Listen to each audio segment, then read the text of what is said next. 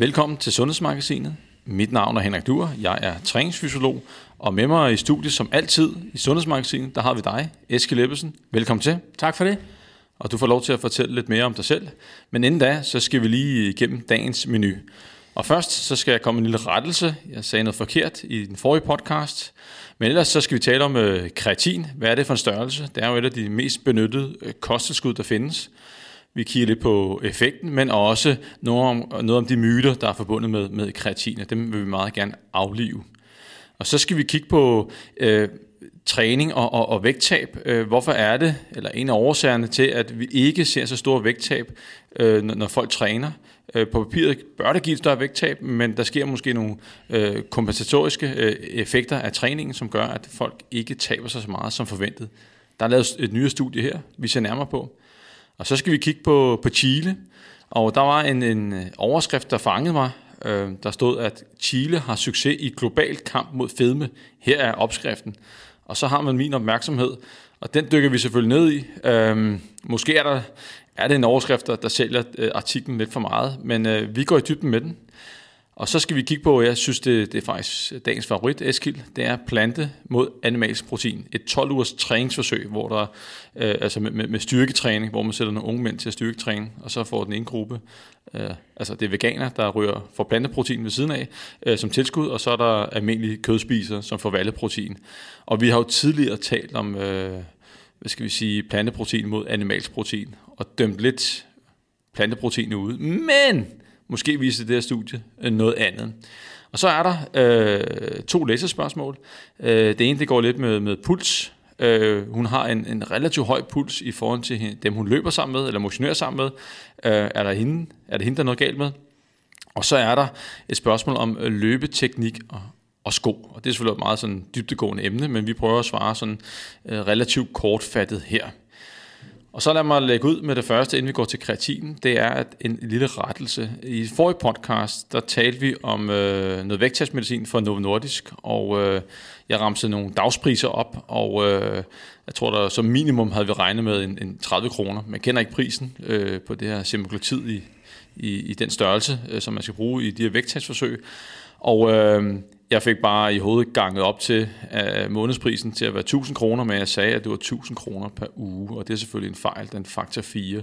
Så uh, jeg beklager uh, regnefejlen i den forrige podcast, og det er også blevet, blevet rettet i teksten til selve uh, podcasten. Så hvis du har lyttet med i sidste uge, så hvis jeg sagde 1000 kroner per uge, så er det forkert. Det er altså 1000 kroner per måned, som vi forventer, at minimumsudgiften er. Eskild? Ja? Vi skal til at tale om kreatin. Og kreatin er jo et øh, ufatteligt øh, populært kosttilskud, specielt i styrketræningsøje med. Og øh, til, hvad hedder det, til dem derude, der ikke kender øh, kreatin, så øh, findes der ikke mange øh, veldokumenterede øh, kosttilskud, som rent faktisk har en effekt, og det, det har kreatin for en, for en stor del. Øh, og det sjove ved det var, Eskild, det var, at øh, lige inden, øh, det var faktisk i går, lige inden vi, vi, skulle, vi talte sammen over telefonen, så dukker der sådan en artikel op på Team Danmark med nogle svømmer, hvor de testede kreatin. Den tager selvfølgelig op øh, senere. Men har du, øh, har du prøvet kreatin? Ja, det har jeg. Øh, og øh, vi har faktisk øh, øh, ikke brugt det hvert år, fordi det er øh, lige netop til øh, øh min sportsgren, altså roningen, øh, der øh, giver det meget god mening, men når man er letvægtsroer, det vil sige, at man har en vægtgrænse, man skal under, øh, jamen så kan det være lidt svært, om det er optimalt at tage det. Øh, så, øh, så vi har taget det i, i nogle, øh, nogle gange, men øh, og mange gange har vi også roet uden. Ja, fordi at øh, det som kreatin kan, det, det typisk øh, det har en effekt ved, ved højintens øh, sports, sprints, gentagende sprints, øh, styr, styrketræning. Og, øh, men der er også det men, at det, det giver en, øh, eller det kan give en, en vægtøgning.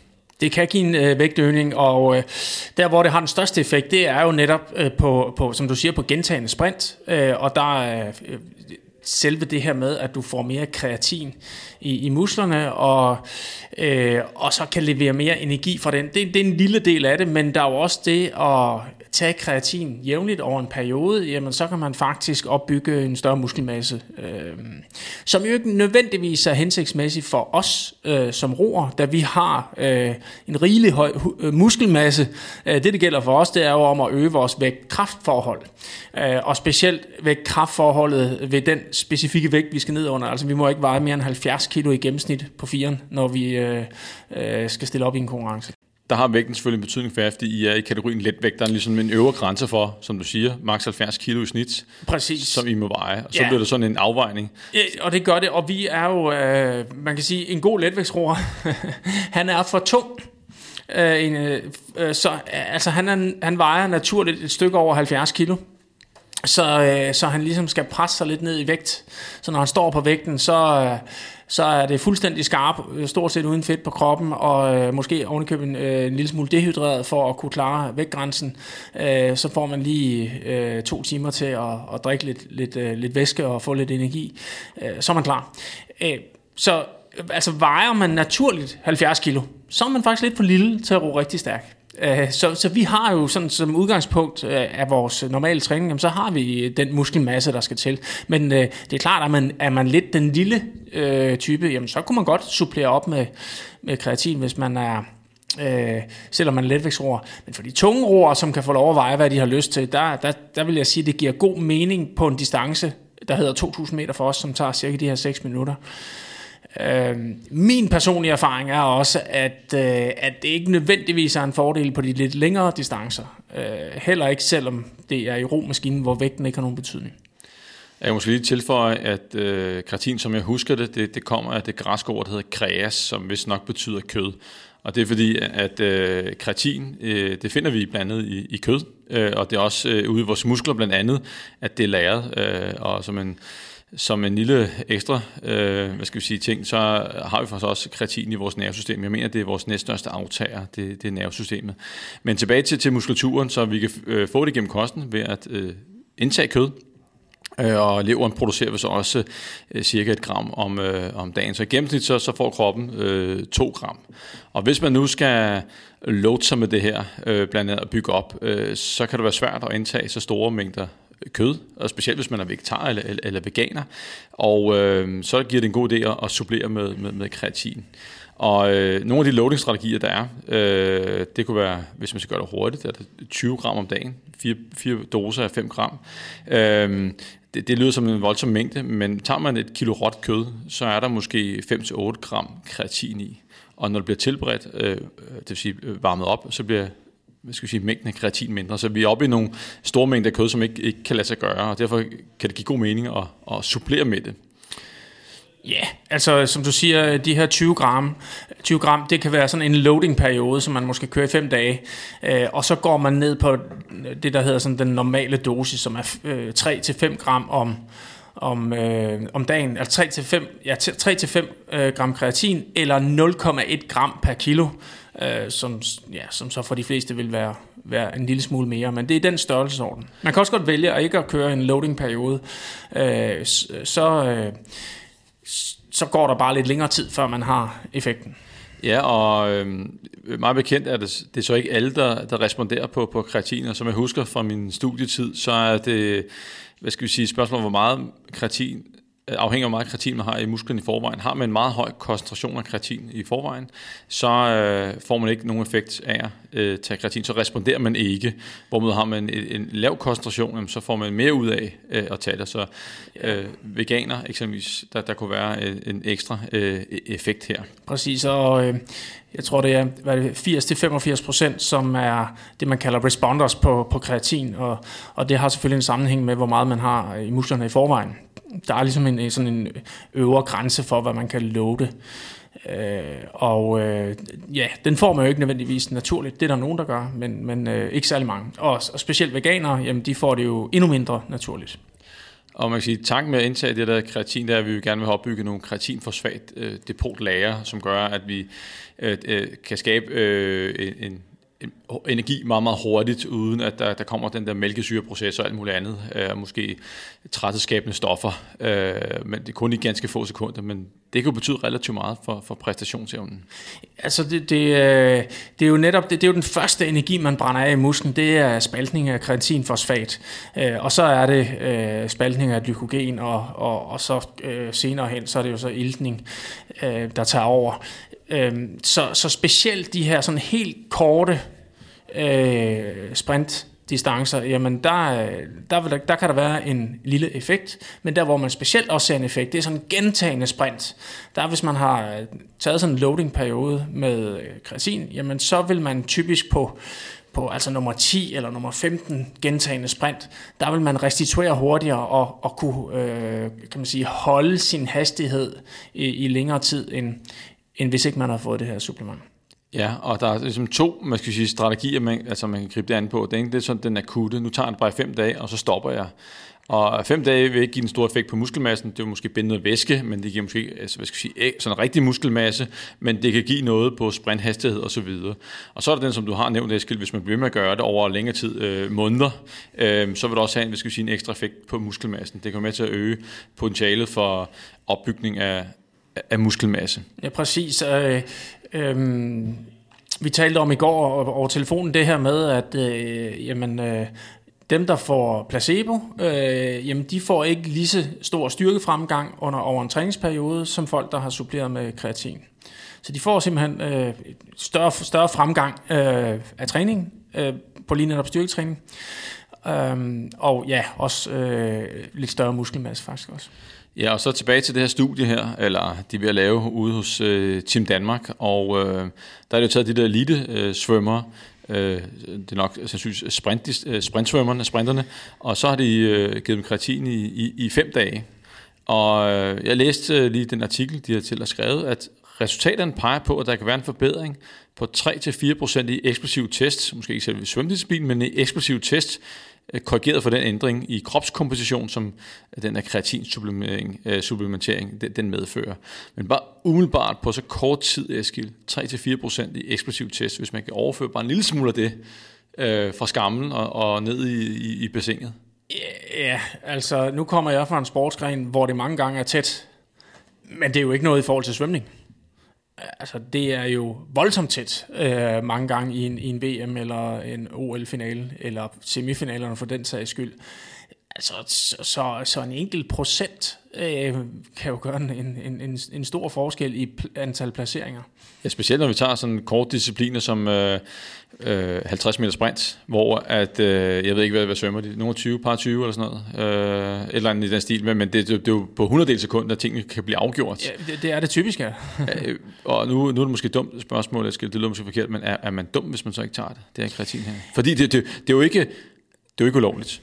Nej, altså, og, og, og bivirkningerne, kommer vi til at tale om lige om lidt, de, de er der ikke rigtige. Nej, det, det, det, dem, det er jo netop det, som vi sætter fokus på med den her artikel. Øhm, og man kan sige, at kreatin er jo netop et, øh, et kosttilskud, som er et af de få kosttilskud, som virker, og som har en effekt øh, på, på specielle sportsgrene. Øh, og øh, jeg lige vil at sige, konkurrerer man på internationalt niveau, eller også bare øh, almindelig elite-niveau i, i, i, i discipliner, som er kortere end, end altså de her 6 minutter, som, som jeg har råd. Ja, altså der vil jeg sige, at næsten alle. Altså man kan tale om, der hvor du skal flytte din vægt, der kan man diskutere det, men, men øh, jeg vil sige, svømning er, er måske øh, en, en af dem, hvor, hvor det giver allermest mening. Og så kan vi også tage, tage håndbold med, ikke? Der står altså både kvinder og mænd, der er masse, en, altså det er han ved størrelse, i hvert fald i, øh, i center og baks, øh, og de skal sprinte tilbage igen, sprinte tilbage igen, og de må gerne veje lidt ekstra, så det er noget, at, hvad skal vi sige, der er lidt masser at komme med.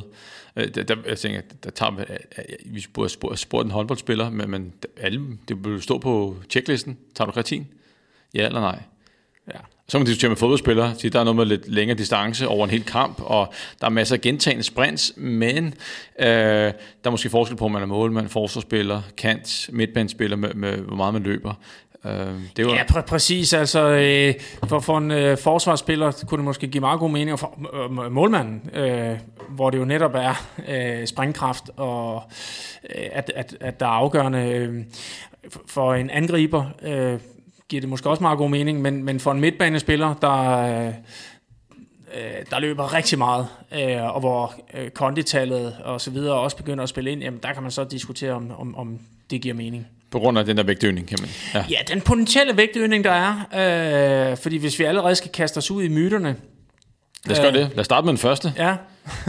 og, og, det, og det er lige præcis med øh, den der med øh, medfører øh, kreatin øh, væskebinding. Ja, præcis. Øh, og det, øh, det gør det ikke altid. Øhm, men, øh, og det er sådan set det, der er svaret, fordi det gør det nogle gange. Så, så giver det den her væskeophobning, øh, som øh, ja, faktisk nærmest et par kilo, kan man godt, øh, hvad skal man sige, i sportsmæssig sammenhæng risikerer at, at, at få med. Øh, hvis man går efter muskelvolumen, så er man jo bare glad, fordi det, øh, det betegnes jo som fedtfri masse eller muskelmasse, øh, den her ekstra væske, så, så på den måde er det fint nok. Men hvis man skal hoppe eller accelerere, eller øh, øh, øh, ja, i det hele taget flytte sin egen vægt, øh, så, så er det klart, at øh, så tæller det jo negativt, så man skal være sikker på, at man får mere styrke eller springkraft, end, end man ligesom får, får vægtøgning. Øh, men øh, hvis man øh, eksempelvis ikke tager en loading-periode, jamen så er det ikke sikkert, at man får den samme væskeophobning. Yes. Og så er der et, et spørgsmål her, som de også i den her artikel her, øh, formålet med den artikel, vi, vi gennemgår her, det var at, øh, at øh, samle op på øh, de myter, der er. Og de har lavet sådan en top 10 over mulige øh, myter her undskyld, en top 12. Og øh, vi, vi tager dem lige kort her. Så er der også en af dem, som florerer derude, er kreatin et anabolsteroid, og det tænker sikkert, øh, fordi at det kan virke musklerbyggende, er der så nogen, der tænker, at det så er et anabolsteroid? Og ja. Eskild, det korte svar er? Ja, nej, det er det ikke. Øh, som sagt, så øger det restitutionen mellem dine sæt, øh, og derfor kan du simpelthen... Øh, altså man kan sige, hvis du laver flere sæt af styrketræning, øh, så vil du simpelthen i tredje eller fjerde sæt typisk kunne, kunne tage mere vægt, hvis du tager Ja, og, og, og, og den vej opbygge øh, kan man sige, en større belastning og en større styrke og større volumen over tid. Ja, og man kan sige lige præcis med, at volumen er øh, super, super vigtigt i forbindelse med opbygning af muskelmasse. Det er ligesom øh, øh, den, man skal styre på allermest. Øh, så volumen er key øh, her. Og så er det øh, en anden ting, som øh, har været eksisteret lang tid, og med god grund, så skal man stille spørgsmålstegn ved, øh, når man indtager et kosteskud, kan, kan det have en effekt på nyrerne? Og for sunde og raske mennesker, Eskild? Ja, nej. Det er... Øh, man har gennemgået øh, data og så videre, og, og, og der er altså, så længe man holder sig til de her øh, anbefalede doser, så er der altså ikke nogen effekt på nyrerne. Og selvfølgelig har man ikke lavet studier med nye patienter, og så givet dem masse kreatin for at se, om det har en effekt, eller en negativ effekt. Det, det, det gør man ikke, men det er klart, er man nye patient, så skal man nok lige spørge lægen om, om det her det, det, er, en, øh, det er en god idé. Men jeg kan huske, at øh, da kreatin kom til Danmark for mange år siden, øh, der var der en, der hed Lars Mikalsik. Har du mødt ham? Ja. Øh, og øh, jeg tror, han var sammen med Jens Bangsbo, de lavede noget, øh, skulle teste noget, og der var lige begyndt på idrætsstudiet, og det er altså, altså tilbage i, jeg tror jeg kan sige det her, tilbage i 93. øh, og der deltog jeg lidt i de første kreatinforsøg, og det var ikke det var sådan en tabletform, vi fik.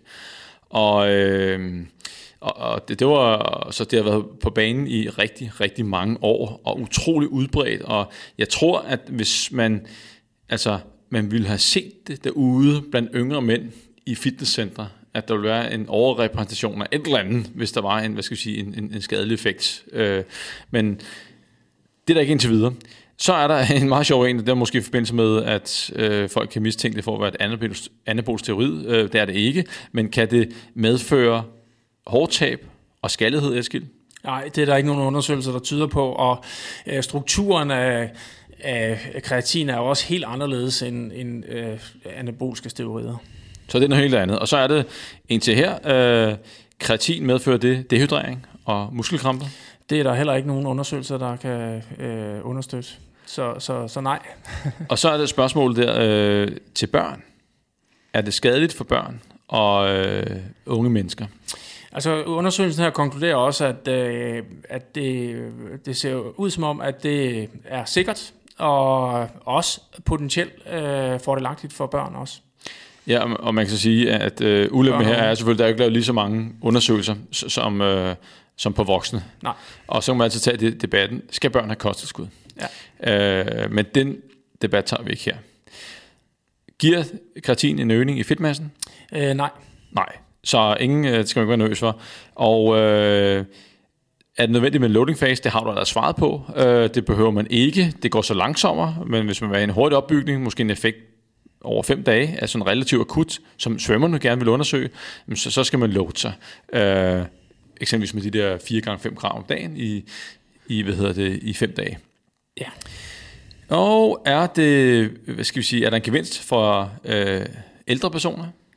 Ja, øh, det må man sige. Øh, og nogle gange kan effekten være større, fordi de måske ikke øh, får den rette kost. Øh, så det er der helt bestemt. Og øh, ja, altså den rette kost er så også, hvis det giver noget muskelmasse øh, for dem her, hvis de i, i forbindelse med styrketræning. Ja, og det man kan sige, det er jo, at øh, specielt ældre mennesker, de, øh, altså, deres daglige velbefindende er jo meget afhængig af deres øh, muskelstyrke og, og muskelvolumen, altså i forhold til at undgå fald og, og i det hele taget øh, kunne ting i deres dagligdag. Øh, så det er jo ikke kun et spørgsmål om, om deres øh, sundhed, det er jo også et spørgsmål om, om deres frihed. Yes. Og øh, så er der en her, som øh, er, er kreatin kun øh, øh, effektivt for folk, der laver styrketræning og sådan power types øh, activities, altså sådan sprint, spring ting. Øh, så det, det, det, det er jo det primære, men øh, Ja, det vil jeg sige er det primære, og, øh, og som vi lidt var inde på, jamen, hvor går grænsen for, hvor- hvornår det ikke er, er fordelagtigt? Altså, øh, jeg, vil, jeg vil jo ikke mene, at det er fordelagtigt for en langdistanceløber. Øh, øh, altså, t- t- tværtimod på grund af den potentielle risiko, der er for at, at løbe med mere vægt, hvor, hvor specielt løb er jo meget afhængig af, af et højt vægt-kraftforhold. Ikke? Og, øh, og det samme, hvis du skal cykle op ad en bakke, øh, så, så er det jo også virkelig vægt-kraftforhold. Hvor, hvor, der er nogle steder, hvor det ikke giver mening, men der er rigtig, rigtig mange sportsgrene, hvor det giver mening. ja, hvor, hvor, man kan sige, hvor vægten måske ikke har så stor betydning, og hvor der er øh, højintense elementer i. Ja. Så den si- næst sidste, øh, nummer 11, er kreatin kun effektivt øh, for mænd. Øh, nej, bestemt ikke. Så det, kvinders muskler ligner jo lige så meget øh, mænds, så de kan også øh, optage kreatin og benytte det.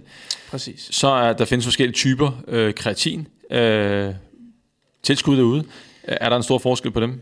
Øhm, øh, stor forskel. Øh, I hvert fald så anbefaler man almindelig kreatin monohydrat, som er sådan den, den mest tilgængelige. Og der, der er andre former, som måske ikke er øh, lige så effektive. Ja. Og hvis man lige skal runde den af, så, øh, så er kreatin jo et, et, et relativt billigt kosttilskud. Det koster ikke noget. 100 eller andet for 500 gram, og der er altså der er til, en, til en, en god lang periode. Øh, og det har den øh, effekt, det har.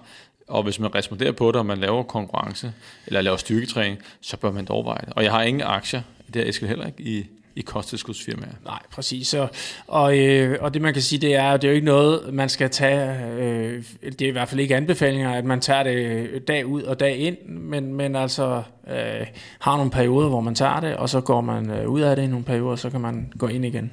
Yes. Ikke mere om kreatin, Eskild. Nej. Vi skal videre til det næste. Den næste nyhed, vi skal kigge på, det er vægttab og træning. Og øh, den danske oversættelse af artiklen er, den kompensatoriske effekt af træning på NEAT, altså hverdagens småbevægelse og kalorieindtagelse hos unge overvægtige mænd. Og det man ønsker at kigge på, det er, at øh, når man lægger træning ind i hverdagen, så er det ikke altid, at man ser, øh, hvad skal vi sige, den ønskede effekt, den forventede effekt på vægten. Så der sker altså nogle kompensatoriske ting. Så enten så spiser vi mere, øh, måske som øget appetit på grund af træning, og så får vi ikke det, det vægttab, vi har ønsket ud fra den fysiske aktivitet. Og måske bevæger vi os også bare mindre i vores hverdagens, hvad skal vi sige, småbevægelser, NEAT, som står for Non-Exercise Activity Thermogenesis. Og Eskild, i det her studie her, Ja. der er der jo unge mænd, og det er fra det er et brasiliansk øh, studie her, og det er fra Flåde Akademiet. Det er 21 år i gennemsnit, og øh, de lettere overvægtige, små 28 i, i BMI, og de kører det her, øh, hvad skal vi sige, 14-dages forsøg, hvor de, de træner tre gange om ugen i de her øh, to uger. Og de kører altså, øh, der er selvfølgelig en kontrolgruppe, og så er der en lavintensgruppe, de kalder det moderat, men de ligger altså på 40-60% af heart rate reserve, øh, og der træner de en time, fire blokke af 10 minutter øh, i, den, intensitet, i den øh, intensitetszone. Og så har de højintens øh, gruppen, som træner lige så meget øh, en time, og øh, i, med fire blokke, inklusive opvarmning, fire blokke af 10 minutter, og der ligger det stadig mellem 60 til 89 procent. Og, øh, af pulsreserven. Pulsreserven. Og, og, ja. og lige nu, de kalder det højintens træning. Jeg skal, lad, os lige, lad os lige rundt den der med intensitetszonerne her. Hvad, hvad, hvad tænker du om, når de skriver højintens træning, og det ligger mellem 60 og 89 procent af heart rate Ja, det, det er noget af et spænd, fordi øh, 60 er jo ikke høj intensitet det er stadigvæk øh, let intensitet at, at, at motionere med. Det bliver vel øh, stadig noget lav intensitet. 60% af heart rate reserve. Ja, det, øh, det, det er i hvert fald sådan, man stadigvæk kan snakke. Altså, man begynder selvfølgelig at svede, og man skal holde sig i gang osv. Øh, men 89, så begynder det jo selvfølgelig at nærme sig noget, hvor, øh, hvor man er oppe og, og, og stress øh, øh, konditionen, ildoptagelsen, øh, og man begynder også at blive lidt presset. Så, så det er noget af et spænd.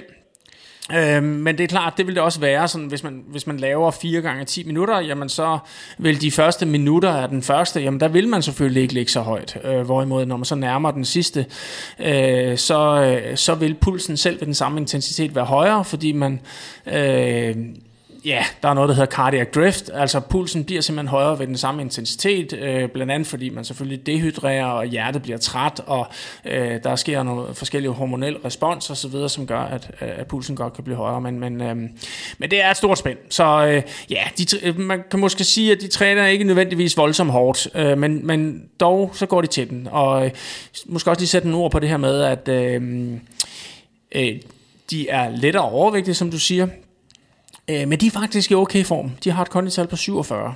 Øh, så så øh, også, så vi også kalde dem i bedre form end gennemsnittet. Ja, og det er også lige, lige kort øh, i den lavintense gruppe, at de kører selvfølgelig deres øh, opvarmning, men så kører de de der fire blokke af 10 minutter med lav intensitet. Og så er der en pause på 5 minutter med endnu lavere intensitet, 30-39 procent. Men altså, ja, hvor, hvor ser det ikke bare ud i en kører? Ja, og, det, er, det er lidt rask gang. Ikke? Ja. ja. Uh, nå, men anyway. Eskild, Øh, de kører det her i, øh, i, i de der øh, 14 dage, og det skal også siges, at som, øh, hvis man har, har sådan lyttet lidt med, så kan man hurtigt regne ud, at de træner den samme tid, både den moderat gruppe og højintense gruppe, men intensiteten er i gennemsnit større øh, hos den højintense gruppe, så det er ikke kaloriematchet øh, med hensyn til træningen, så de fyrer altså flere kalorier under træning, den højintense gruppe, men de træner altså lige lang tid, bare så vi har har det i baghovedet, når vi kigger længere frem. Men selve resultaterne skal sige, man kan kompensere på to forskellige måder. Øh, det enten være at bevæge sig mindre, e-, eller at spise mere, er selvfølgelig en, en, en kombination. Det, vi har set, man har set i tidligere undersøgelser, at man, man kompenserer.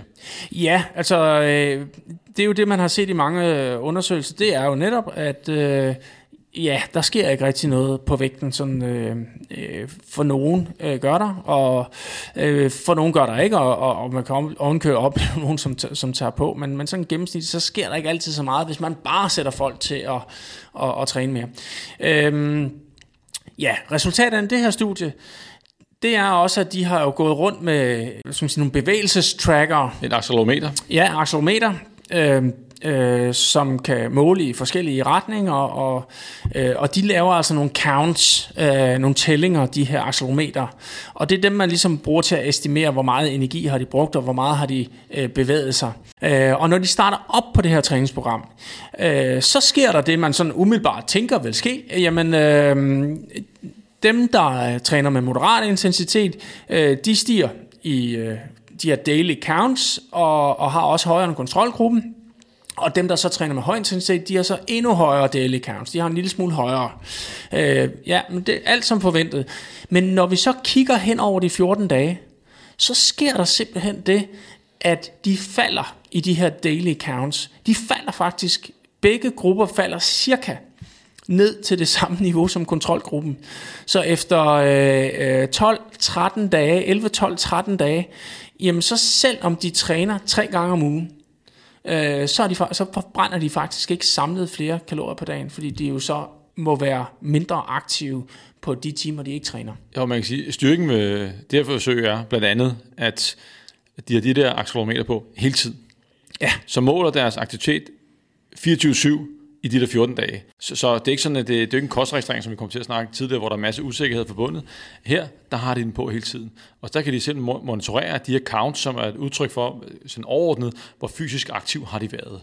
Øh, og, og, og den falder på trods af, at de træner, som du selv siger, at det samlede counts er meget, meget højere i starten, fordi de træner, og så øh, har deres normale daglige bevægelse. Så det ligger meget højere i kontrolgruppen, men den, den, den jævnes ud. Og, hvad, øh, og det er jo set i andre undersøgelser også, Eskild, ja. øh, at vi, vi kompenserer ved at øh, lave mindre af anden aktivitet. Ja.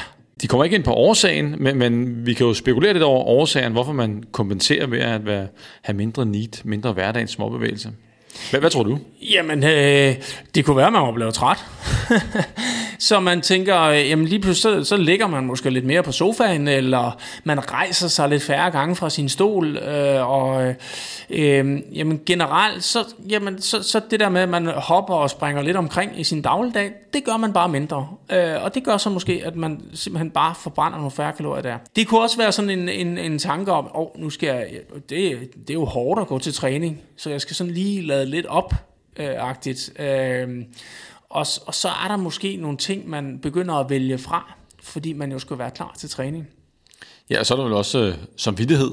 Øh, jeg tænker, at nu har jeg trænet øh, en time med høj intensitet, og holdt op, det, det var hårdt. Ja. Så en ting er, at man er træt, hvis man så også har lidt god samvittighed. Ah, nu har jeg jo lige trænet en time, så behøver jeg jo ikke lige at gå den der tur der. Nej, øh, præcis.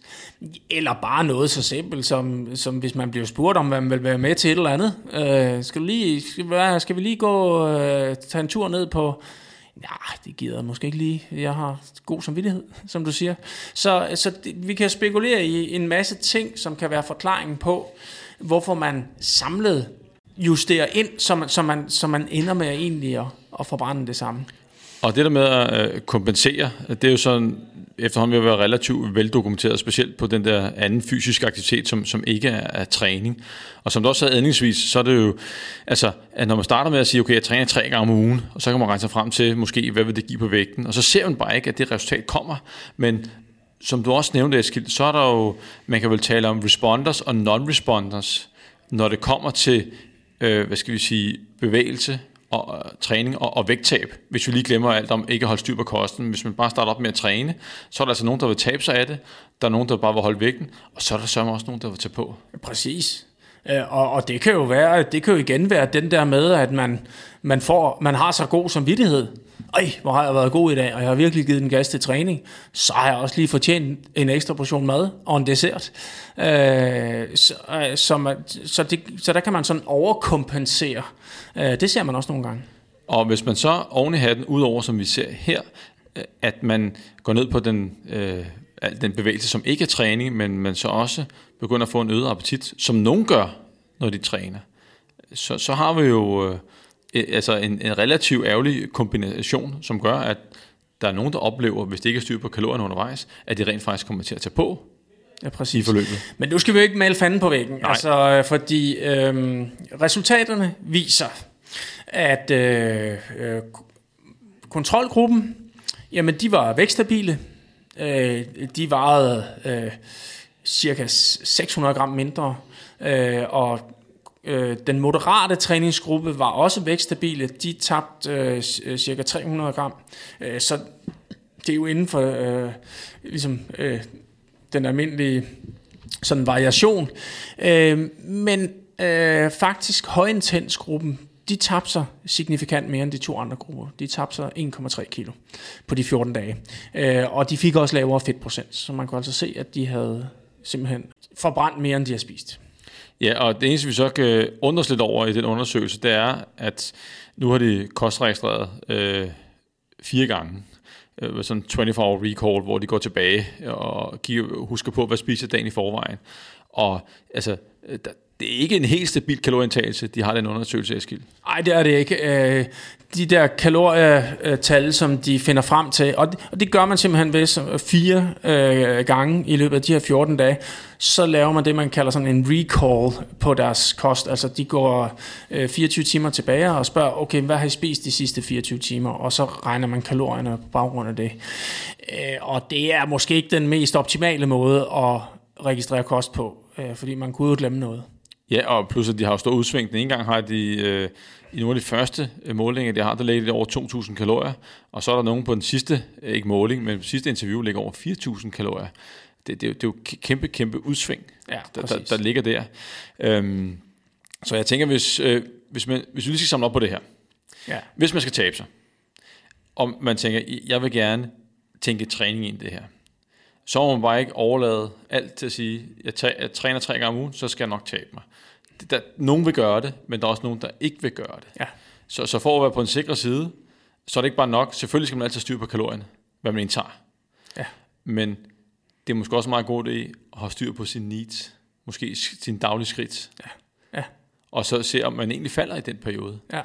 Jeg, jeg ved da også, når jeg, nu skal jeg træne øh, efter det her, og jeg har haft en, en hvis jeg trænede styrketræning, det var relativt hårdt, jamen, så, så er jeg træt, når jeg kommer hjem, så har jeg ikke lyst til at lige at gå den aftentur. Nej. Så, så hvis man ikke er bevidst om det, og har et mål, som man skal nå og holde øje med, så, så kan man jo, kan effekten blive mindre med hensyn til kalorieforbrændingen.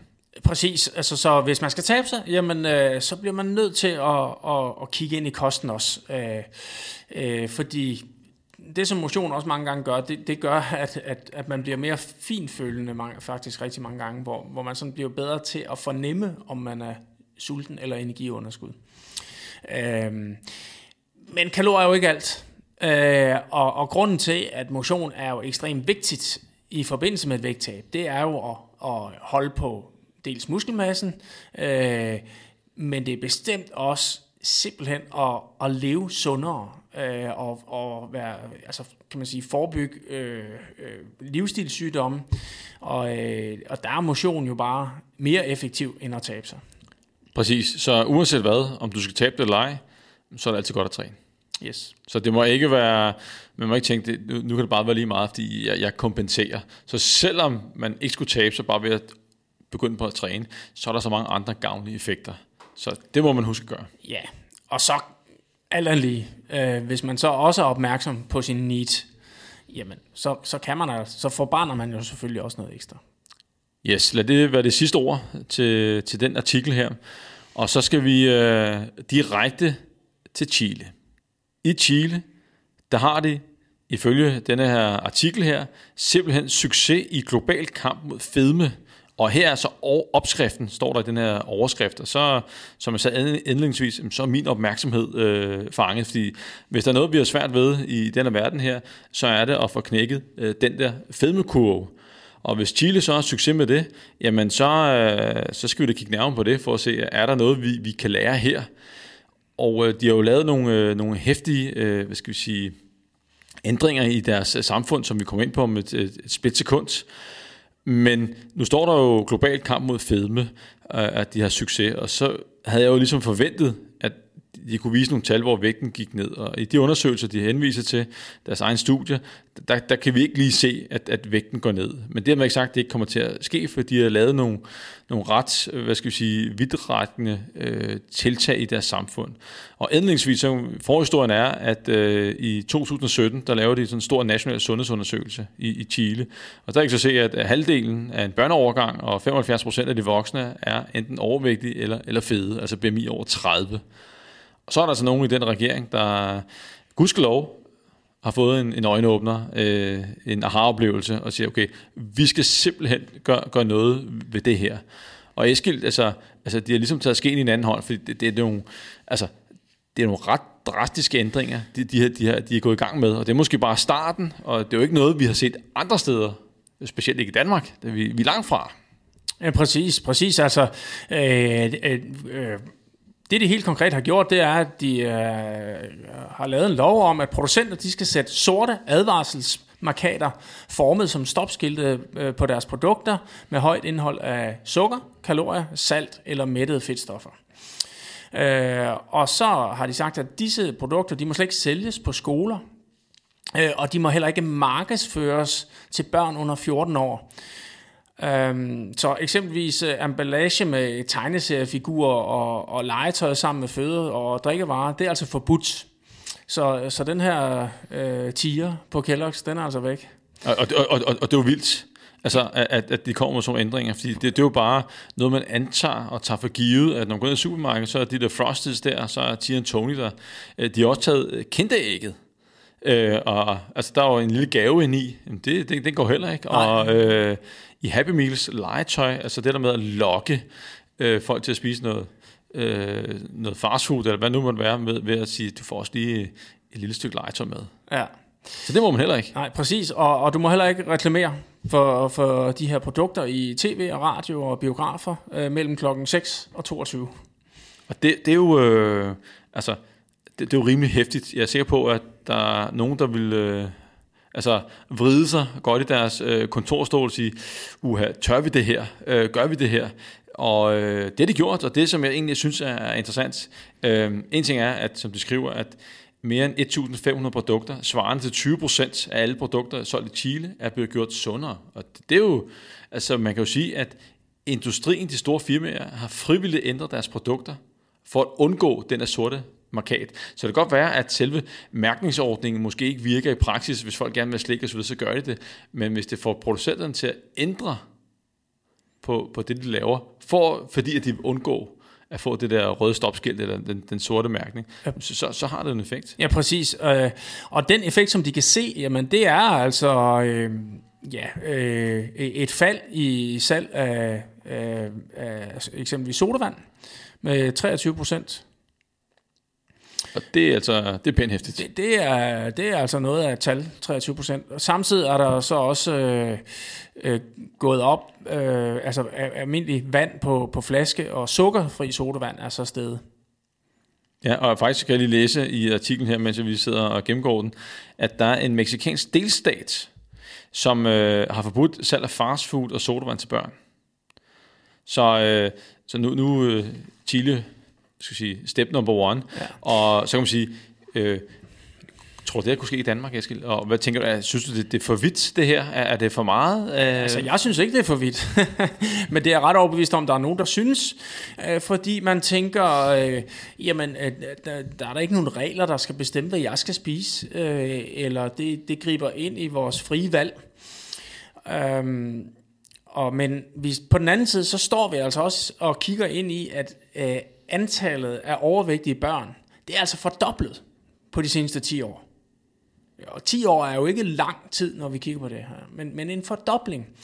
Øh, og vi har jo tidligere været inde på nogle af de øh, ting, som øh, forskellige satellitsteder har, har gjort for at lykkes med at, at komme der på forkant. Og det er nogle ret simple indgreb, som har virket. Altså det her med, at man bliver vejledt øh, familier i, hvad, hvad de skal putte i deres madpakke og, øh, og så videre, og så videre. Så, så, så man kan altså komme rigtig langt med nogle, nogle, nogle få justeringer af de her håndtag for at øh, forebygge den her øh, overvægt, som, som er stigende. Jeg, jeg er helt på linje med dig, og jeg, jeg tænker også, at der, der skal noget, altså der skal noget drastisk til, fordi at øh, for nylig kom øh, Vidensrådet med deres rapport om øh, forebyggelse og behandling af børn og overvægt, og ja, de havde egentlig ikke noget, der virkede i Danmark. De, de, øh, de har forsket det her i mange øh, år og har prøvet mange øh, interventioner, initiativer, og de kunne ikke rigtig sige, at de havde fundet noget, der egentlig kunne hjælpe og løse det her problem. Og som sagt, vi har en masse kloge mennesker, der har forsket i det her. Og ud fra de normale interventioner, hjælp med det ene og med det andet, der har de altså ikke formået at, at komme op med øh, et, et forløb, en intervention, der rent faktisk hjælper de her familier. Så, så jeg tænker, at det er helt naturligt, at man tager næste skridt og begynder at arbejde på noget strukturelt i samfundet, sætter nogle, nogle regler op. Ikke fordi, at ting skal være forbudt, det, det burde ikke. Nej, det er men, heller men, ikke i Chile, skal vi huske på. Nej. Man kan jo øh, sagtens købe produkter. Lige præcis. Øh, så så øh, de forsøger bare at gøre det lidt nemmere at leve sundt, og lidt sværere at leve usundt. Lige præcis. Og, og, og, og det, det er jo en interessant tanke. Ikke, ikke forbudt, men vi som samfund, sig, øh, når jeg poster noget om øh, sundhed og børn og øh, vægttab, eller det er også voksne og vægttab, så kommer der mange og siger, at det er forældrenes ansvar. Det skal vi ikke blande os i. Det må, de må bare tage sig sammen. Øh, folk skal jo bare lukke munden og lidt røven.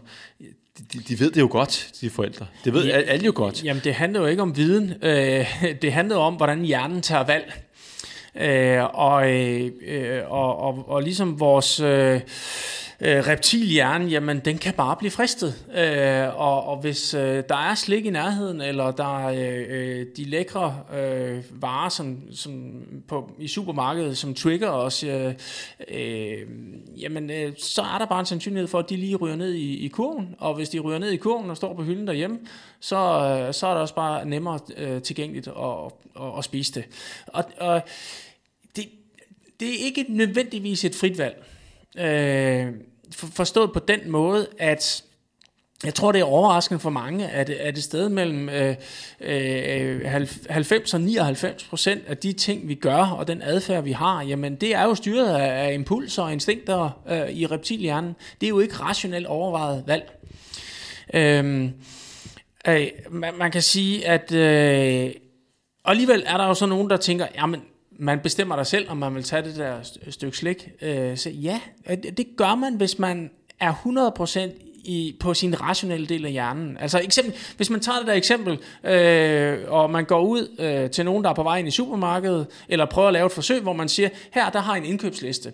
Vi vil gerne være med til at teste, øh, om øh, folk de øh, kan følge en indkøbsliste. Øh, så nu får du den her indkøbsliste, og du får også penge at handle for. Øh, øh, og så kigger vi på, om du har kunne holde dig til listen, når du kommer ud fra supermarkedet igen. Hvis man laver sådan et forsøg, så vil alle kunne det. Øh, fordi de er meget opmærksomme på, at jeg skal følge den her liste. Øh, så det kan alle godt finde ud af. Øh, men i praksis, så er det jo ikke det, der sker så er det jo 9 ud af 10, der ikke følger listen, fordi man jo tænker på alt muligt andet, og man kommer lige fra arbejde, og man er træt, og øh, øh, så bliver det impulserne og instinkter, der, der tager over, og så kommer der altså nogle ting ned i, øh, i øh, indkøbskurven øh, eller indkøbsvognen, som ikke lige var planlagt. Øh, man bliver måske oven i købet og snydt af den der med, øh, Nå, men jeg køber lige lidt, jeg køber lige lidt slik, så øh, der, det er lige på tilbud, så har vi det til på fredag. Uh, chancen for, at det holder fra, fra mandag til fredag, den er, den er ikke så stor. Nej, og der ved, hvis vi kigger på supermarkedet, de ved jo godt, hvordan de skal få til at sælge. Altså, det, det har du forsket i mange år med space management, og hvordan får vi lukket folk herind, hvordan indretter vi butikken, hvordan bliver brugerrejsen, så vi sælger mest muligt af det, vi tjener flest penge på. Og det er jo desværre sådan noget som slik, solvand, chips osv. Øhm, så, så, så det er jo øh, også et, hvad skal vi sige, et indsatsområde, og jeg vil lige spole tiden tilbage, fordi bare, bare helt kort, vi havde jo den der Leeds øh, undersøgelse med, hvordan de har formået at knække kurven i, i Leeds med nogle tiltag, og øh, det var børneovervægt, og den, den er, der er så nogen, der har kritiseret undersøgelsen tidligere, men, men det er jo frem til, det er, at øh, der, et af de tiltag, det de gjorde der, det var, at inden folk kom i, i, ind i folkeskolen, i børnehaveklassen, der øh, ville de minimere antallet af overvægtige børn her, fordi hver gang der kommer 100 ind, øh, der er overvægtige, i børnehaveklassen, så når det var 12 år, så var det kun 5%, som havde sluppet overvægten. Så var der altså 95%, som havde bibeholdt, fastholdt der, deres overvægt, eller gjort det endnu værre. Så det er lige, der havde de sat sådan nogle teams ind, som du også nævnte, øh, når folk bliver forældre.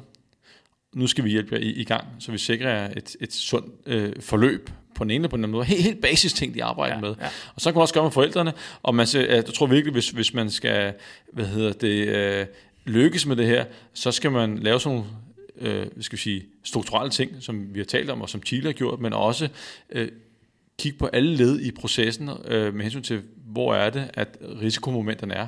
Øh, kan vi forebygge det?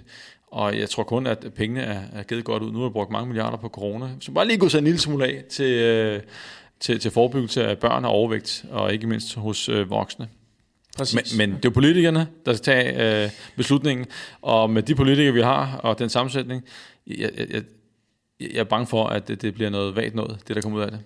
Øh, men på den anden side, så er de jo også styret af, øh, af, af, af vælgerne. Øh, og øh, hvis der er opbakning jamen, øh, fra, fra, fra vælgerne øh, til nogle af de her ting, jamen, øh, så, øh, så tror jeg, så tror jeg også, så vil politikerne også være med på det. Ja, det var, jeg ved ikke, hvor mange medlemmer af det Polstats-foreningen har, men, men det kan godt være, at det blev som ældresagen. De havde, hvis de havde en million medlemmer, så havde de, øh, så var der pludselig øh, taletid, ikke? så ville folk lytte. Yes. Nå, Chile Rocks, de gør altså nogle ting, nogle hæftige ting, fordi det her til livs, det synes jeg mange kan, kan lære af. Eskild, vi skal til dagens sidste undersøgelse, og derefter så er der to læser spørgsmål. Plante versus animalsk protein, 12 ugers træningsforsøg. Det er overskriften øh, på den her artikel, vi har kigget på. Og hvorfor er den interessant? Jo, først og fremmest fordi der er ikke særlig mange træningsstudier, længerevarende studier, hvor man har taget øh, en gruppe unge mænd, og så er den ene øh, delt dem op i to, så er der en, der har fået planteprotein, mens det er og den anden har fået animalsk protein, og som set, hvem har fået størst fremskridt. Og hvis man for et par år siden så Netflix, så var der Game Changers, og hvis man lyttede til, til den, så var planteprotein jo stærkt overlegen i forhold til, øh, hvad skal vi sige, animalsk protein. Og øh, kigger man på forskningen, så er det egentlig, egentlig det modsatte. Fordi kigger man på sammenligner øh, planteprotein, og i den undersøgelse, vi kigger på, der er det, får det sojaprotein som, som øh, tilskud, så, så vinder øh, valleprotein, når det kommer til aminosyresammensætningen. Og aminosyre, det er jo proteinens byggesten, og der er nogen, der, der er vigtigere end andre i forbindelse med muskel opbygning, og øh, leucin springer i øjnene her. Man snakker om, der er måske en tærskel på en, en 3 gram, man skal have i måltiderne. Og øh, der er mere leucin i valleprotein, end der er i, i, i sojaprotein. Så derfor øh, tænker man, at animalsk protein er, er bedre end, end, end plante. Men der findes bare ikke særlig mange træningsstudier. Og øh, det ene, der har været, har vist, at der har været en, en fordel, når, når de har fået lige meget protein dagligt. Og så er der en, en anden studie, hvor de har kigge på soja mod valle, og så er det så matchet på øh, leucin, således at de fik den samme mængde leucin, hvilket så gjorde, at dem, der fik sojaprotein, de må så bare spise endnu mere protein for at komme op på, på samme niveau som øh, valle. Så det, de har gjort her i denne undersøgelse, der har det taget nogle øh, utrænede forsøgspersoner, sat dem til at styrketræne i, øh, i 12 uger, og så har de på daglig basis fået 1,6 gram per kilo kropsvægt per dag. Og det er ligesom, hvad skal vi sige, den anbefalesværdige mængde, hvis man styrketræner, og man gerne vil have mest muligt ud af det. Men den ene gruppe er veganer, og de får tilskud med sojaprotein, og den anden gruppe er så kødspisere, de får så tilskud med valleprotein for at nå de der 1,6 gram om dagen. Og det gør de 12 uger, Eskild. Ja, de gør så. Og øh, hvad var så resultatet af det? Jamen, øh, resultatet var, at de fik samme fremgang i øh, muskelmasse, muskelvolumen, øh, og de var øh, gået en del frem, og øh, det gode ved det her studie er jo, at det kører over 12 uger, og der er 19 forsøgspersoner med i hver gruppe. Øh, så, øh, så ja, altså de er gået øh, rigtig meget frem, begge grupper, øh, og, og også på muskelmasse. Øh, det, skal lige siges, øh, at øh, statistisk set, så går de samme øh, får de samme fremgang mål på, på altså leg press, øh, benpres, øh, deres ligesom evne på, på en gentagelse, en maksimal gentagelse, en RM, som det også hedder, repetition maximum. Øh, der, øh, men hvis man sådan kigger på gennemsnittene, så har øh, øh, dem, der er på valleprotein, øh, altså kødspiserne, de har altså fået en, en 22 procent øh, større fremgang mål på gennemsnittet. Det er bare ikke signifikant, øh, statistisk signifikant. Og, og, og hvad kan forklaringen være på det? Fordi man tænker, altså gennemsnitligt set, så får de et, større fremskridt, men der være et eller andet, der gør, at det ja. er signifikant. Og det er, det er jo øh, spredningen, øh, som statistikken også tager højde for. Altså, hvis der er meget forskel på, hvor meget de går frem, Øh, nogle går lidt frem, og nogle går rigtig, rigtig, rigtig, rigtig meget frem, og det er øh, stor spredning i, i, i begge grupper. Jamen, så, så siger vi, at, øh, at, at så, er der, så, er der, så er det tilfældigheder, at, der, at det lige er øh, en, en 22% større fremgang hos, hos dem, der får valleprotein. Ja, og så hæfter jeg også ved, at du sagde, at øh, muskelmassen var, var den samme, der var den samme øh, øh hvad skal jeg sige, fremgang. Så overordnet set, så er det, så er det en uafgjort det her. Og øh, jeg vil lige understrege, at øh, de har gjort sig umage med, altså, øh, med målingerne. Når vi tager sådan noget som øh, muskelmasse, så øh, har de lavet en DEXA-scanning, ja. så hele krop. De har så også taget biopsier og, og kigget på tværsnittet af, af, af muskelfiberen. Ja. Og, øh, så, så, øh, så den del kan man ikke klandre. Så de har målt de, de, har altså fremgange. været inde og tage muskelbiopsier i, i tre forskellige lårmuskler, øh, så, så de har været meget grundige. Så, så, så metoden kan vi ikke klandre, så vi, vi har jo selvfølgelig grund til at tro, at, at metoden er, er, er god nok, og vi har set den øh, hvad skal vi sige, fremskridt på muskelmasse, der nu engang er set.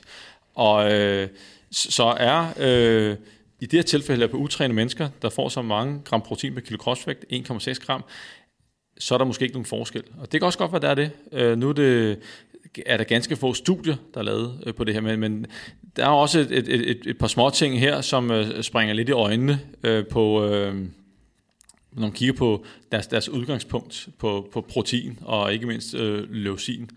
Fordi at udgangspunktet for den veganske gruppe var faktisk øh, lavere. Der var faktisk, og jeg tror faktisk, de ærger sig over det studie her, at normalt så må man gerne have, at øh, baseline, at der ikke er forskel øh, på, på de to grupper, men det var der her på proteinindtagelsen. De fik altså 0,9 gram per dag, og er over 1,1 øh, gram per kilo kropsvægt i, i kødspisergruppen. Så udgangspunktet var ikke det samme. De har altså et lavere udgangspunkt. Og hvad det kan have af indflydelse, det er et godt spørgsmål. Ja, men, men øh, der er også en anden ting, som du er inde på i starten, det er, at øh, øh, jamen, der er altså en del for, øh, undersøgelser, som har vist en forskel på... Øh, på, på, på netop øh, de vegetabilske proteiner versus de animalske. Øh, men også det her med, at øh, hvis man matcher på leucin-niveauet, så kræver at du simpelthen skal have en større mængde øh, øh, vegetabilsk protein for at få den samme effekt. Øh, og, og, øh, og, og den kunne jo også fint passe ind her, forstået på den måde, at øh, jamen det vi ved med protein, det er, at man, man skal ligesom over en vis grænse, øh, får man nok, så får man nok.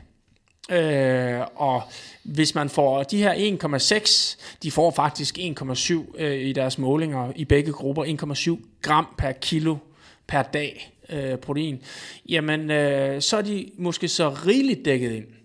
Det, det spørgsmål, man kunne stille sig selv, og det interessante forsøg, man kunne kigge på, det var jo for eksempel, jamen hvad nu hvis de kun havde fået 1,2 i begge grupper? Øh, havde det så været rigeligt i den animalske situation, men for lidt i den øh, vegetabilske situation, fordi at, at de simpelthen ikke får nok øh, eksempelvis leucin øh, Ja. til at og, øh, hvad skal man sige, respondere optimalt på styrketræningen. Ja, fordi de havde, de havde faktisk også kigget på, på leucin, og øh, undervejs i forsøget, selvom de får en samme mængde protein, øh, som sagt animalsk den ene gruppe, og øh, plante den anden, så, så får de faktisk, og det undrer mig lidt, at de har samme niveau. Der er i hvert fald ikke nogen statistisk forskel på, hvor meget leucin der er i deres måltider, øh, samlet set, når dagen er omme. Man havde forventet, at hvis det var normalt sojaprotein, som de får tilskud af to gange øh, øh dagligt, at øh, fordi at sojaprotein er, er fattigere på leucin og andre essentielle aminosyre, øh, at at den, den koncentration øh, i blodbanen, eller man kan sige, den måske ikke koncentration i blodbanen, men den mængde, de får, øh, burde være mindre i den plantebaserede gruppe. Men der er faktisk, øh, hvad skal vi sige, et, et, et match her. Der er ingen statistisk forskel. Og jeg prøvede at tjekke op på det proteintilskud, de havde, og øh, jeg kunne ikke se nogen opgørelse, om, der var, om det var beriget med ekstra leucin. Det kan jo sagtens være, at, øh, at, at det har gjort det i det kosttilskud. Men øh, det var en anden ting, der undrer mig. Så... Øh, men vi kan konkludere, at det vi tror på, det er, at hvis du nu får nok protein, og der er nok leucin og de andre essentielle aminosyre, øh, så er det lige om du spiser det ene eller det andet. Præcis. Lige nøjagtigt. Øh, og som udgangspunkt, øh, så tror vi også på, at, at man skal have en lille smule mere øh, protein, hvis du vælger øh, den veganske protein. Lige præcis. Og øh, man kan sige, i den virkelige verden, hvad man så skal være opmærksom på der, det er, at øh, der kommer nok lidt flere kalorier med. Ja. Øh, det, er lidt, øh, det er lidt nemmere at spise en kyllingfilet, og for mange gram protein per kalorie. Det er lidt sværere med, øh, hvad skal vi sige, øh, det, det plantebaserede. Præcis. Og Og, man- og, man- og, man, kan sige, at en af konsekvenserne, øh, hvis man går lidt ned i pelletesserne, eller er på eliteniveau, det er jo så, at, at man bli, så bliver man jo nødt til at spise lidt færre kulhydrater, hvis ikke man skal få for mange kalorier samlet set. Hvis du skal spise øh, flere proteiner for at få nok, jamen så kan du ikke spise lige så mange kulhydrater, og så har man potentielt lidt mindre at fyre af til sin intervaltræning eller, eller sin hårde træning. Yes. Vi håber på, at der kommer flere studier af den her slags her, så vi øh, kan se om øh, effekten af enten planteprotein og ikke mindst øh, animalsk protein, når vi kigger på opbygningen af muskelmasse. Eskild, vi skal videre til to læserspørgsmål. Yes. Det første spørgsmål, vi har fået ind, øh, faktisk fik vi en del, og øh, jeg har sorteret nogen fra. Øh, beklager, at øh, vi ikke får alt med, men det er at vi skal lave en ekstra podcast, hvor vi en dag samler op øh, på det her. Men jeg har udvalgt to, og øh, det ene her, det, det er fra Julie, og Julie, hun, hun skriver, en ting er, hun roser vores podcast, det er altid en god idé, hvis man skal have de spørgsmål igennem. men anyway, øh, øh, hun, hun øh, skriver her, at... Øh, jeg tænkte på, om I kunne lave et afsnit, øh, hvor I snakker, øh, hvad skal vi sige, heart rate, altså puls i forbindelse med træning. Når jeg sammenligner min gennemsnitspuls med andre venners, er min virkelig høj. Min ligger på mellem 185 og 188 slag per minut, på, øh, når jeg løber 6 km med, med tempo på 25 minutter per kilometer. Jeg kan læse mig frem til, at min ideelle gennemsnitspuls øh, i, i, ved den hastighed der vil ligge omkring 165. Og øh, hvis jeg skal gøre det, så skal jeg helt derned på 165, så løber jeg ret langsomt. Og øh, er, er der en, en forklaring her? Er, er det noget? Er det jul, det, der er noget galt med? Æh, øh, nej, det er bestemt ikke. Æh, Altså man kan ikke bare gå ind i en tabel og finde sin, sin puls. Altså der, der er nogle tabeller, der viser 220 minus alder, eller øh, lidt mere præcist øh, 208 minus 0,7 gange alder. Øh, men men øh, i praksis så dur det ikke til noget, fordi at øh, det er plus minus 10 procent, eller endda i nogle tilfælde mere.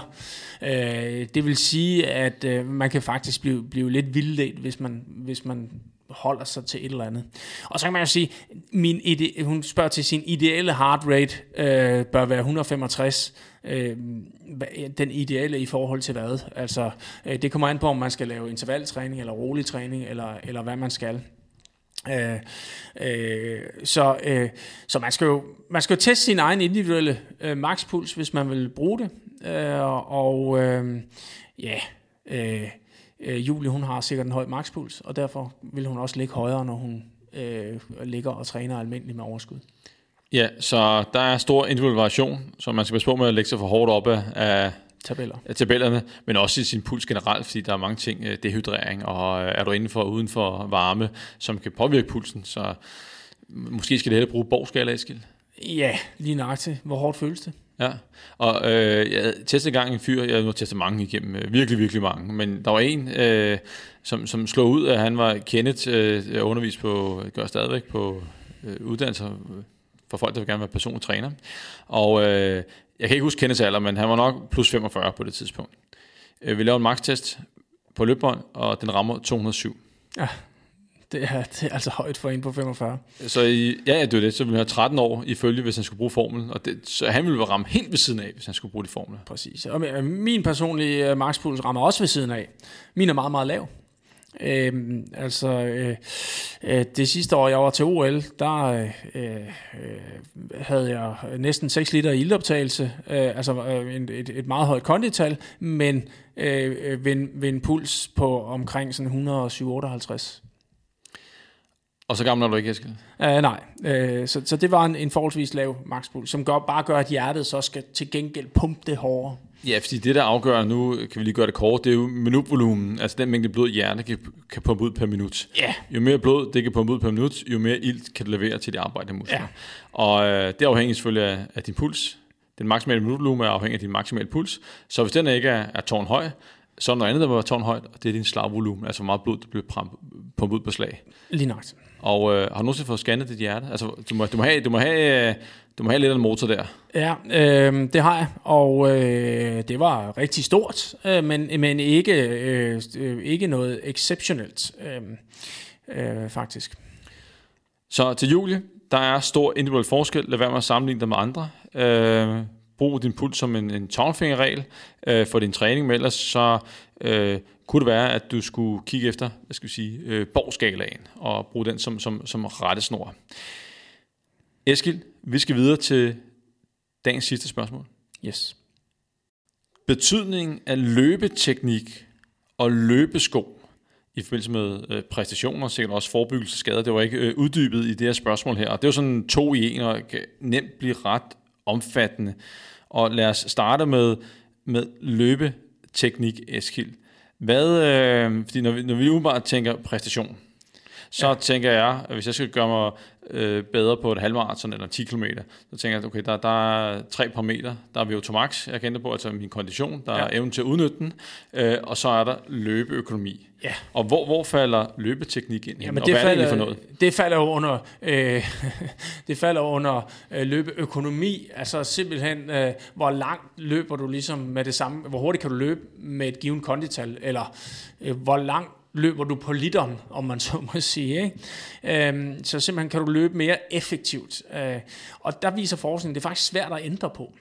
Øh, altså beder man folk øh, ændre på deres løbestil, eller et eller andet, tage dem ind i laboratoriet og måle på deres løbeøkonomi, jamen øh, så faktisk viser det sig, at, at deres naturligt valgte løbestil, jamen det er der, hvor de øh, har den bedste løbeøkonomi. Så det er i hvert fald noget, der skal tage lang tid. Når det så er sagt, så vil jeg faktisk sige, at øh, rigtig mange eliteløbere, jamen de arbejder med deres teknik. Øh, der er selvfølgelig også lidt styrketræning i det, men, øh, men øh, det, der, der er nogle øvelser, de laver. Øh, hvorvidt det hjælper det på deres løbeøkonomi, øh, det har vi ikke rigtig noget forskning på. Jeg synes, det er meget spændende, øh, den som vi, øh, du nævnte over telefonen i går, øh, det der med, at man ændrer på skridtlængden. Ja, ja, ja. Altså det, ja, det man prøver for at sige, kan man tage længere skridt, kortere skridt, øh, har, og så måle på løbeøkonomien, øh, om det har en effekt? Øh, præcis, og, og der, der viste det sig, at øh, jamen, at, at den naturlige øh, skridtlængde, det var der, hvor man havde den bedste løbeøkonomi. Så, så, så ens ildforbrug blev højere, hvis man prøvede at lave kortere skridt, og hvis man prøvede at lave længere skridt. Jeg tænker også at tanken om, at øh, hvordan ser en ideel løbestil ud? At det, man skal gå efter, skal alle gå efter at have det samme løbestil? Fordi hvis jeg vender til Copenhagen Marathon, og jeg venter selv de hurtige og de langsomme, der er jo ikke én løbestil, der er den samme. Selv for dem, der, der løber rigtig, rigtig hurtigt. Det, det, det ser jo ret interessant ud, og der igen, der er forskel på folk. Øh, knoglelængder, øh, bredde af knogler, hofte, hvordan er den udformet, øh, hvordan lander de, har de store læge, har de store lår, hvordan er arme, hvordan er øh, overkroppens tyngdepunkt. Alle de ting, og så tænker jeg, at man forsøger at smide alle ned og sige, det skal bare se ud på en bestemt måde. Jeg, jeg tænker, at det, det øh, ja, altså, løbestil er, er en kompliceret det er det. Øh, og der bliver også givet rigtig mange råd, og, og, og nogle af de råd, øh, som jeg selv tror på, øh, det er jo at øh, ligesom holde, holde brystet højt og øh, øh, sørge for at øh, øh, ikke sætte foden for langt frem, når man ligesom løber, man sådan, øh, så man ikke ligesom bremser bevægelsen, når man sætter foden i, øh, og øh, altså ikke lande for meget på hælen, øh, og, og holde sig oprejst, øh, øh, så man ikke ligesom løber med for krum ryg og så videre. Der, der, der er nogle retningslinjer, som, som jeg i hvert fald prøver at arbejde med, som, som, som jeg har fået af råd fra dygtige løber. Øh, så måske har det en betydning. Måske har det ikke. Det, øh, vi styr, kunne... styr, men nogle styrkeelementer, ved vi, øh, har, har vist sig at, at, at virke på løbeøkonomien. Ja, styrke og eksplosive elementer. Ja. Øh, men øh, fremtiden må vise, om hvad skal jeg sige, den der løbetekniktræning, om øh, det har en effekt. Det kunne være rigtig interessant at, at kigge på, øh, hvad hedder det, øh, øh, altså hvor meget kan det give. Og til dem, der sidder derude, øh, skal kigge på det, jamen start med at kigge på din normale træning, øh, den rigtige intensitet i de rigtige zoner, øh, mængde og alle de ting, inden du går i gang med den sidste del der. Så have fokus på, på de ting, som, som, som giver mening. Præcis. Og øh, der var to spørgsmål i et her, og det sidste var noget med, med sko. Og øh, det, øh, jeg blev ikke helt klog på, om det var noget med, om de kan forbedre præstationen, eller om det var noget med skader. Og der er i hvert fald noget med præstation, Eskild og sko. Ja, det, det er der, og øh, øh, det, det er jo ikke for sjovt, at, øh, at der er noget, der hedder konkurrencesko. Øh, og det er typisk sko, som er øh, i gamle dage meget lettere Øh, fordi den vægt, du lige der svinger frem og tilbage nede ved foden, den har stor betydning for, hvor hurtigt du løber. Øhm, og i, i dag så er der jo kommet de her sko, som er meget affjedrende og med kulfiber øh, øh, sål i, som, øh, som gør, at, at, at at du får simpelthen mere energi igen. Altså, du, Sådan du, fjeder Ja, det er nærmest sådan lidt en, en, en, øh, en fjeder, man løber på. Så man løber, løber simpelthen stærkere. Der er jo også blevet nødt til at lave nogle regler for, øh, at man kun må have én kulfiberplade øh, i, i skoen, og at de kun må være de her, øh, eller de skal være under øh, 4 cm høje i hælen. Øhm, ellers så kan man altså lave nogle voldsomt hurtige sko. Så, øh, men, men stadigvæk selv med de regler, øh, så, så findes der altså nogle sko, hvor man sådan det sted løber, løber hurtigere, og, og det ser vi også i eliten. Øh, øh, jamen de, de slår nogle, nogle rekorder med de her sko, som de har Under to timer på et, øh, et maraton? Ja, og i en sko, som så er ulovlig i dag. Ikke? Ja. Ja. Du løber selv i dem? I nogen? Øh, jeg løber i, øh, ja, jeg løber selv i dem, og, og, og er meget, meget imponeret. Ja. det virker. øh, og det, der selvfølgelig øh, også virker ved de her sådan, nye sko med den her, det er jo, at, at, at øh, i gamle dage, der var skadesrisikoen, hvis vi lige skal dreje den over på det, der var jo stor, når man løb i de her meget lette, flade sko. Øh, og øh, man kunne ikke bare træne i dem, fordi så bliver man skadet. Øh, øh, men man kunne måske godt lige løbe, hvis man havde trænet sig op til at løbe en konkurrence. Men de her nye sko, jamen de er jo også bløde og affjedrende, så, så, så, så man er ikke så mærket efter en konkurrence. Jeg talte med en uh, topatlet, hvor der indgår løb i, uh, og øh, personen er helt i top, og uh, hun har så sponsoreret en sko, som ikke havde uh, det der carbon i. Så hun fik en, en pæn uh, hyre for at løbe rundt i de sko, men hun valgte faktisk at droppe den, fordi hun kunne regne ud, at hvis hun skiftede over til de andre og selv betalte for skoene, så ville hun tjene flere præng- præmiepenge, end hun kunne få for sponsoratet, samtidig få en bedre placering, fordi alle de andre løb i de sko. Så hun havde jo regnet ud, at hun kunne vinde jeg ved ikke mange sekunder per kilometer, og på et maraton, eller hvad nu må det være, 10 km, jamen der var altså så mange sekunder at hente, at det rent faktisk gav en podieplacering. Ja, Det er vildt nok, ikke? ja præcis.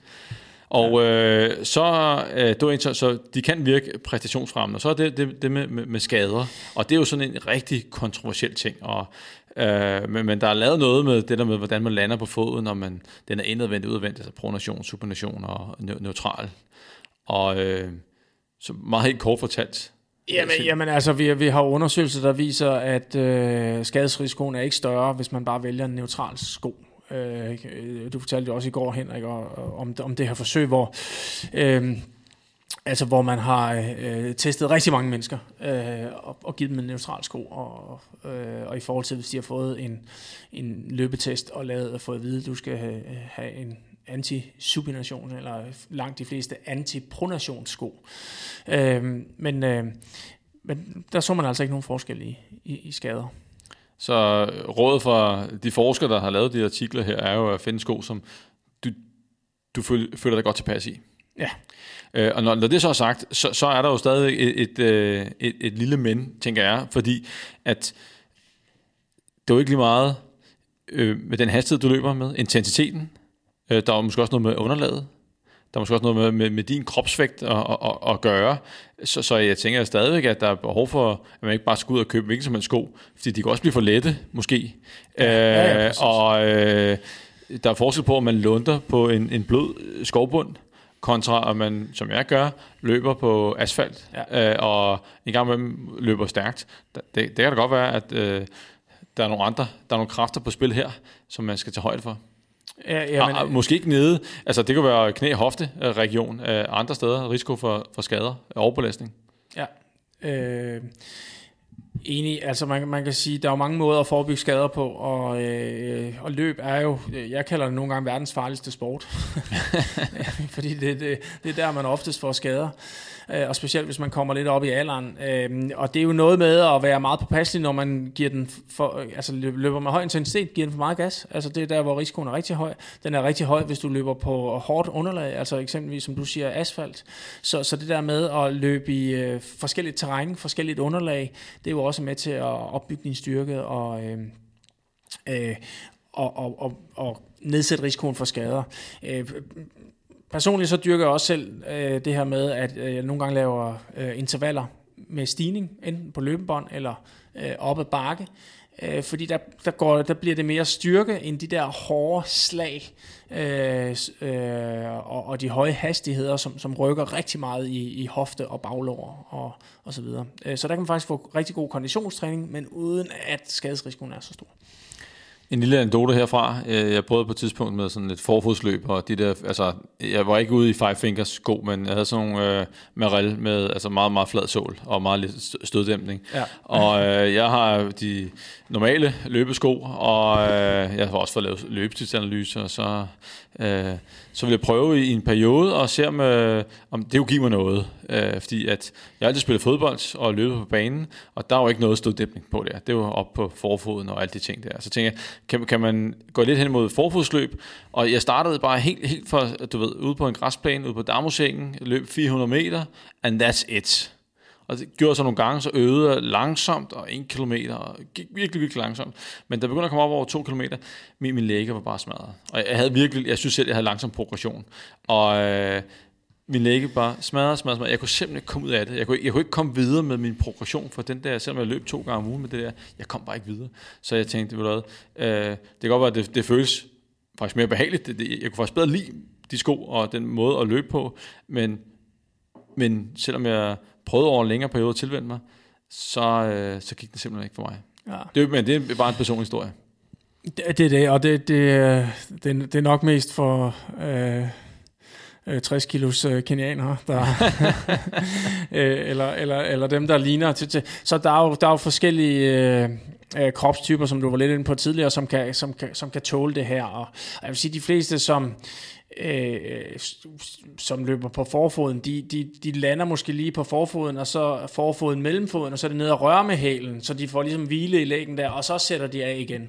Øh, og det, det kan man trods alt holde, holde til øh, lidt mere. Yes. Eskild, der er faktisk ikke mere. Nej. Og øh, hvis du sidder og lytter med derude, og du har et spørgsmål, så send det til mig på info eller send mig en besked ind på de sociale medier, så vil vi gøre, hvad vi kan for at øh, øh, tage det med. Og tak for denne gang, Eskild, endnu en gang, for at stille op og forberede Selv dig. Øh, og tak til alle jer, der har lyttet med. Vi høres ved. Hej.